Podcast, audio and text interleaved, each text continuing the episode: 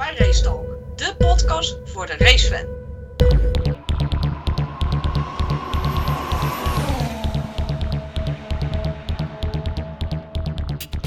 Nou, welkom bij uh, de pre-race podcast van Monaco 2022.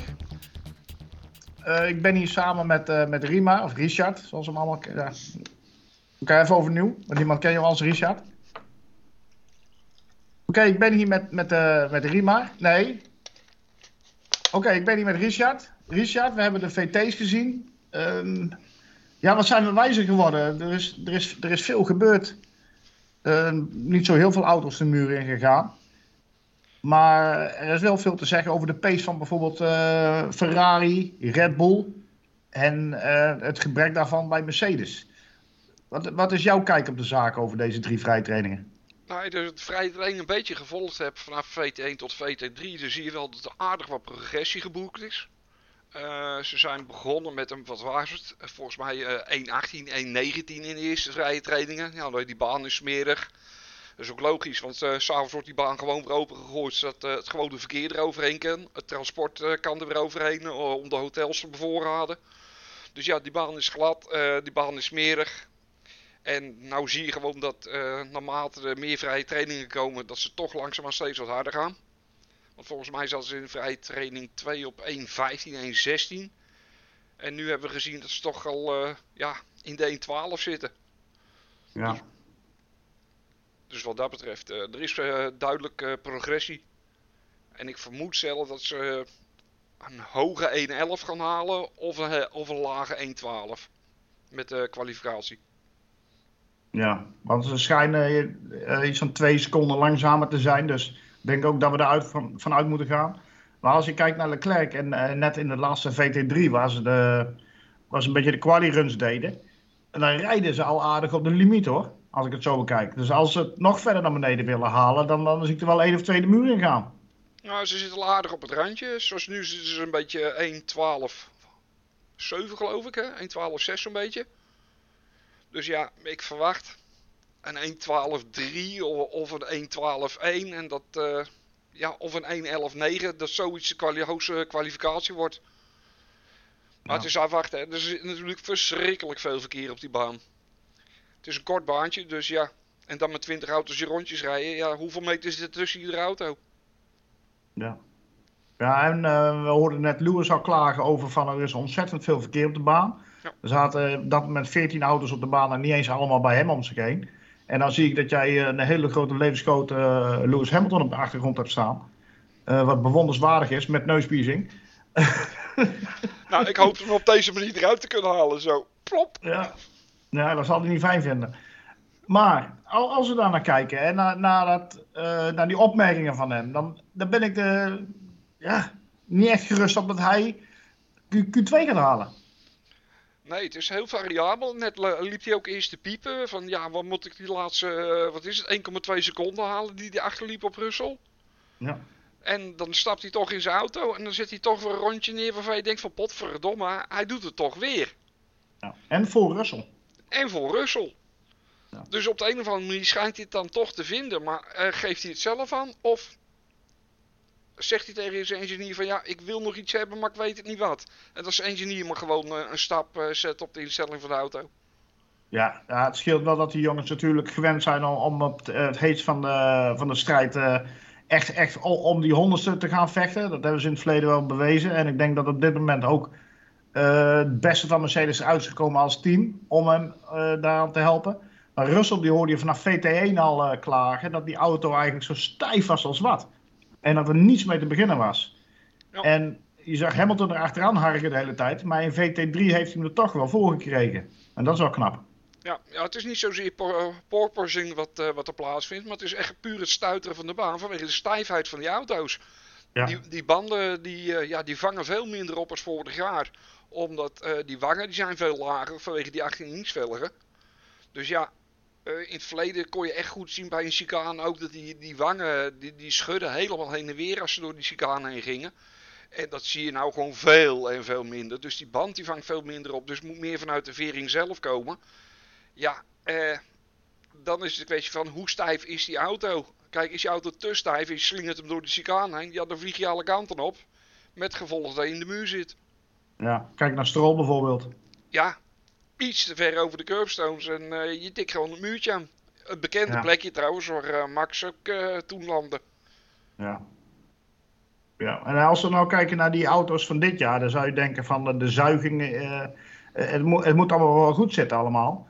Maar het blijkt nu toch dat die auto, om die, die die grip dusdanig te houden, dat ze zo laag afgesteld moeten zijn, dat, dat, dat die zo stijf is geworden, dat ze gewoon eigenlijk die, die comfort kwijt zijn van vroeger.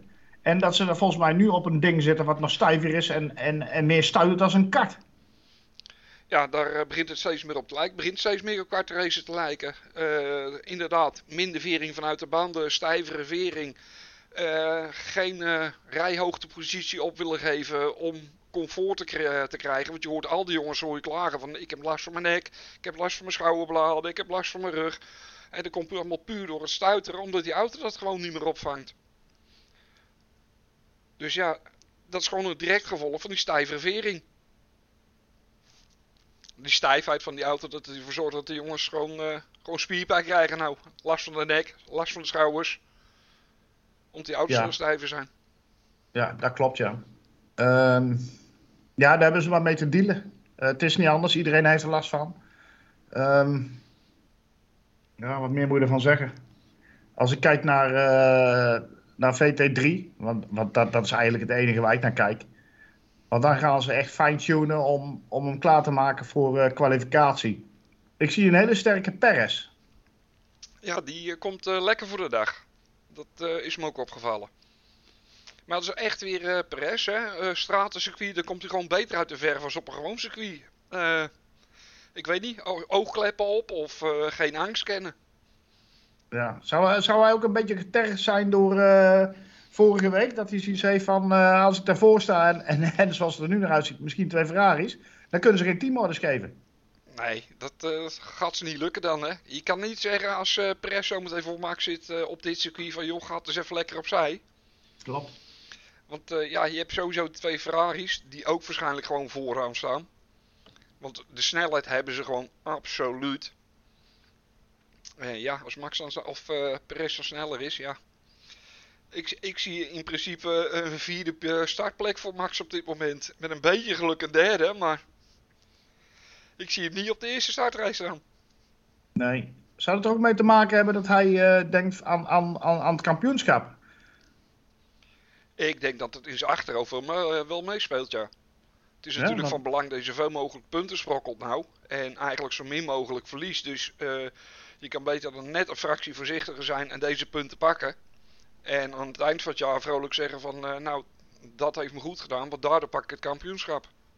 Ja. Want die drijf om Monaco te winnen, die is nu weg, hè? Want die heeft hij al. Die heeft hij al. Ja. Dus ja, die zal er voor Perez wel zijn, denk ik. Ja, absoluut. En eh, je zou kunnen denken, als Perez ervoor komt te zitten, kan hij de Ferraris misschien ophouden. En kunnen ze strategisch Max er voorbij helpen.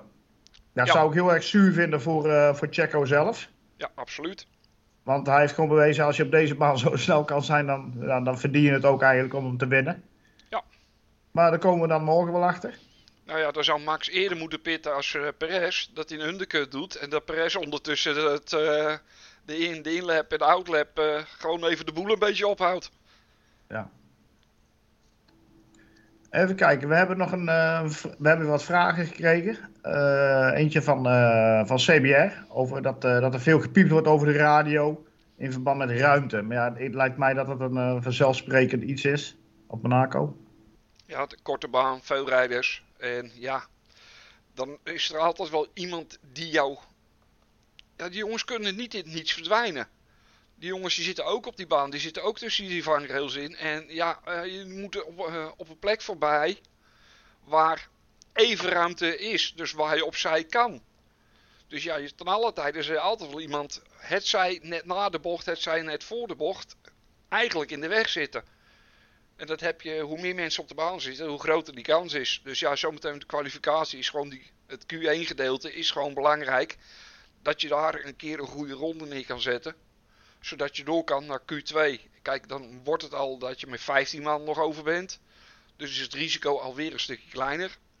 Ja, en in Q3, ja, daar ben je nog met z'n tienen. Als je dan nog eh, last van elkaar hebt, dan. eh,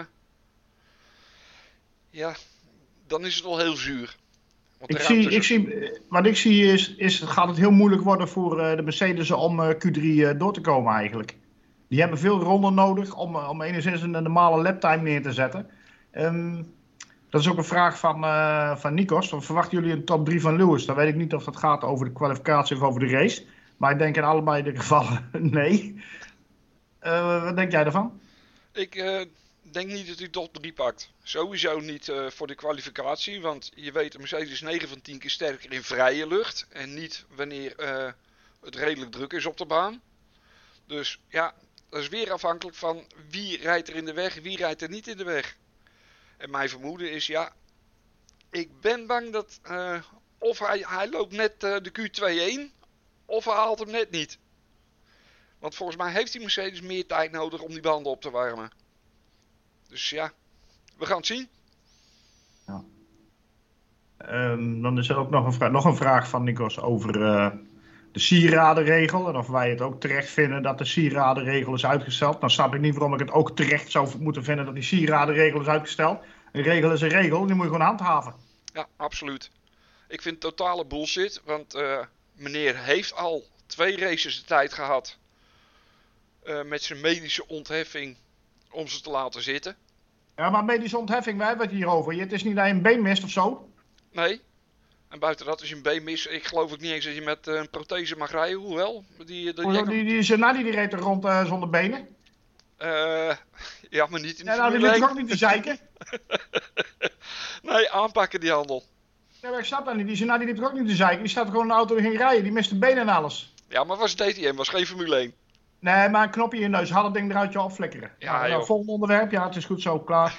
Ehm, vinden jullie het ook zo knap, eh, zegt Nikos, dat, dat Lewis toch nog voor Russell eh, is getraind? Ondanks de vele problemen tijdens de sessie. Nou ja, dat is inderdaad een vraag van, eh, is de engineer nog met een bepaalde setup verandering gekomen? Heeft hij toevallig mazzel gehad dat hij een vrije ronde heeft gehad? Of heeft hij de setup van Russell gekopieerd? Ja. Ja, maar Russell deed het niet, niet altijd best, hè? Nee, maar ja, die stond wel continu plek of 5, 6, 7 voor hem. Ja, dat kan. Ja, je hebt daar wel een punt. Hè? Dat zou kunnen. Dat zou, dat zou wel diep treurig zijn. Eh, ook als dat aan het licht komt, want dan is er de grote, hè? de grote man, eh, ja, degradeert dan enigszins in aanzien. Ja, Ja, ja dat is alweer genoeg Hamilton als het aan mij ligt. prima. Is jou verder nog iets opgevallen aan deze trainingen waarvan jij zegt van dat verdient ook nog enige aandacht? Nou ja, vrije training 2, de, de schuiven van eh, Ricciardo. Dat hij hem Ja. aardig eh, in de muur zet dan ook. En dan ze hem toch ook vandaag gewoon weer hebben kunnen laten rijden. Dus ja, die jongens die, eh, die sleutelen, die zijn eh, lekker bezig. En Norris die uitermate goed heeft gepresteerd wel, ondanks dat hij zijn eigen nog niet helemaal 100% voelde. Maar je zag ook tijdens het rijden met de onboard was het geloof ik, of de, de helmcamera bij Norris, is dat hij zijn vizier open heeft staan. Ja, ik zag het ja. Dus hij staat gewoon op een kiertje op de eerste stand, dat, zo, dat hij toch wat extra zuurstof binnenkrijgt. Ja, het lijkt mij ook niet prettig rijden met een paar ons- ontstoken aan mijn handelen. Ja. Ja, het praten dat ging al eh, vrij moeilijk, had ik gehoord. Dus eh, het communiceren met zijn engineers zal waarschijnlijk niet altijd makkelijk zijn geweest. Nou ja, dat, Maar hij heeft toch een, eh, een goede sessie neergezet. absoluut. En hij was niet op de persconferentie, want eh, praten ging niet. Nou, dat is eh, een goed excuus. Ja, kwam nu er mooi onderuit. We hebben eh, Vettel horen mekkeren over de radio. Ja, Ja, die was ook niet blij. nee. Eh, zou dat te maken hebben met de auto zelf en, dat, en, dat, en circuit, dat even allemaal niet mee zit? Of zou het ook eh, zijn algemeen eh, gevoel zijn binnen het team? Want hij lijkt me niet meer helemaal lekker meer op zijn plek te zitten daar zo. Nee, ik denk dat er eh, door de familie Strol in dat team behoorlijk wat eh, frustratie ontstaat.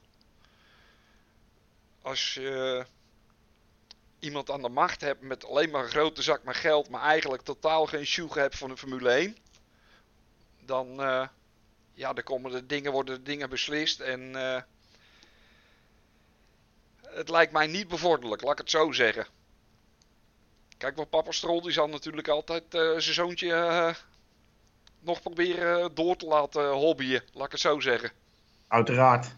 En als ik zelf, uh, als ik me herinner aan uh, mijn diensttijd in 91, ik had altijd een kort koppie. En je toch ja, tegen gezag ga je je verzetten en dan laat je haar lang groeien. En dan heeft hij er wel bij moeten kweken dan, omdat hij dan enigszins nog wat voor zijn ogen had hangen als die halve Beatle. Ik, ik, kan daaruit concluderen dat hij eigenlijk wel klaar is met Formule 1. Nou ja, hij heeft zijn zakken goed gevuld in de loop der jaren. En hij heeft toch altijd redelijk gepresteerd. Maar ik denk dat het op een gegeven moment ook gewoon tijd is om te stoppen. Kijk, uh, je kan wel wachten tot je helemaal achteraan rijdt. Maar dat lijkt me ook niet bevorderlijk voor je eigen gemoedstoestand. En stap er dan op je hoogtepunt of bijna hoogtepunt uit. Kijk, ja, uit, het leven, uit het leven of gewoon? Nee, gewoon uit de Formule 1. voor, oh. voor, mij niet uit het leven te stappen hoor. Want ik, voor zover ik weet heeft hij hobby zat. Ja, ja, met bijen en zo en alles. Dat doet hij goed. Uh, plastic oprapen overal. Even kijken. um, Nou, wat wilde ik nou zeggen? Ik, wilde, ik had een bruggetje in mijn hoofd. Ik dacht, oh ja, Alonso. Als we het toch over uh, meervoudige wereldkampioenen hebben die, uh, die het niet meer zien zitten en, en, en dat soort zaken. Dan zie je dat Alonso er tussenuit is gegaan. Die heeft een break genomen. Die is wat anders gaan doen. Ja. Die is teruggekomen Formule 1 in met hernieuwde energie. En dat is hetgene wat ik eigenlijk bij uh, Vettel dan mis. Want bij, bij Alonso zie je dat dus heel goed. Ja, die is greedy. Die wil gewoon. Die wil kosten wat het kost. Ik weet niet wat het is, maar die heeft een pit erin zitten van jongens. Ik ga nog even door en ik wil nog even door. En ja, die heeft ook zijn momenten dat hij gewoon ook wel uh, gewoon eigenlijk wel mee kan. Uh, niet helemaal mee kan door de auto. Ik denk als je auto nog wat beter zou worden, dat Alonso op zich uh, nog wel verder naar voren zou komen. Ja, zeker weten, ja. Ja, die zit, die zit er volop de laatste tijd. En uh, ik krijg het gevoel dat deze auto hem wel bevalt. Ja, op zich wel. Maar hij zou een fractie sneller moeten zijn, die auto. Ja.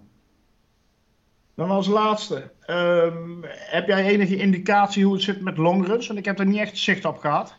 Nee, de longruns heb ik zelf ook niet uh, helemaal uh, boven water kunnen halen. En ook niet meegekregen nog. Maar ja, als ik zo puur op VT3 kijk, dan, uh, ja, dan denk ik dat de frontrood toch uh, rood is en de tweede rij blauw wordt. En dan heb ik het wel over Red Bull blauw en niet over Red Bull groen. Uh, ik dacht misschien regenbandjes. Nou, ja, dat, je weet het niet hè. Het weer is altijd grillig.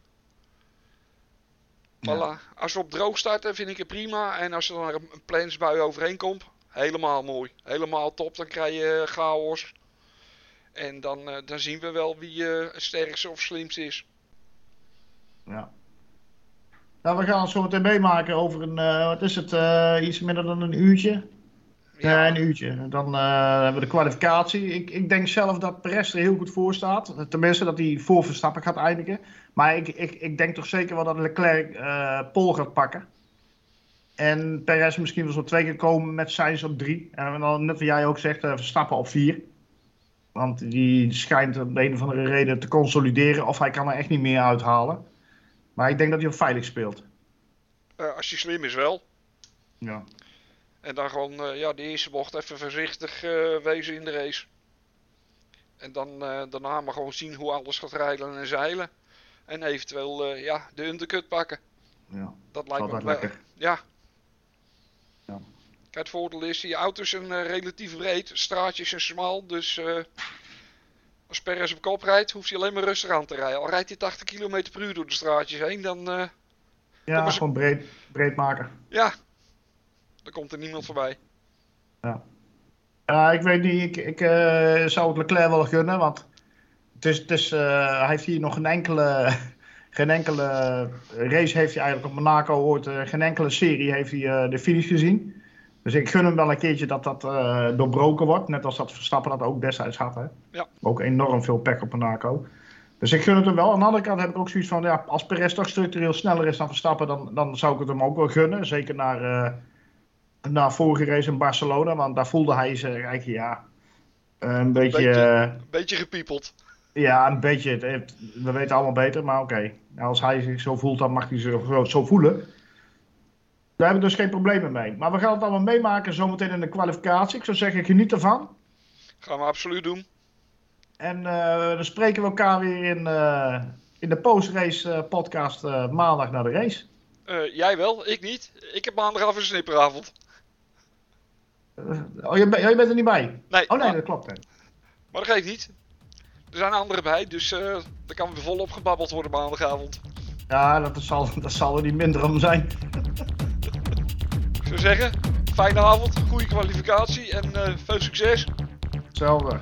Wees Spreken elkaar. Later. Hoi hoi.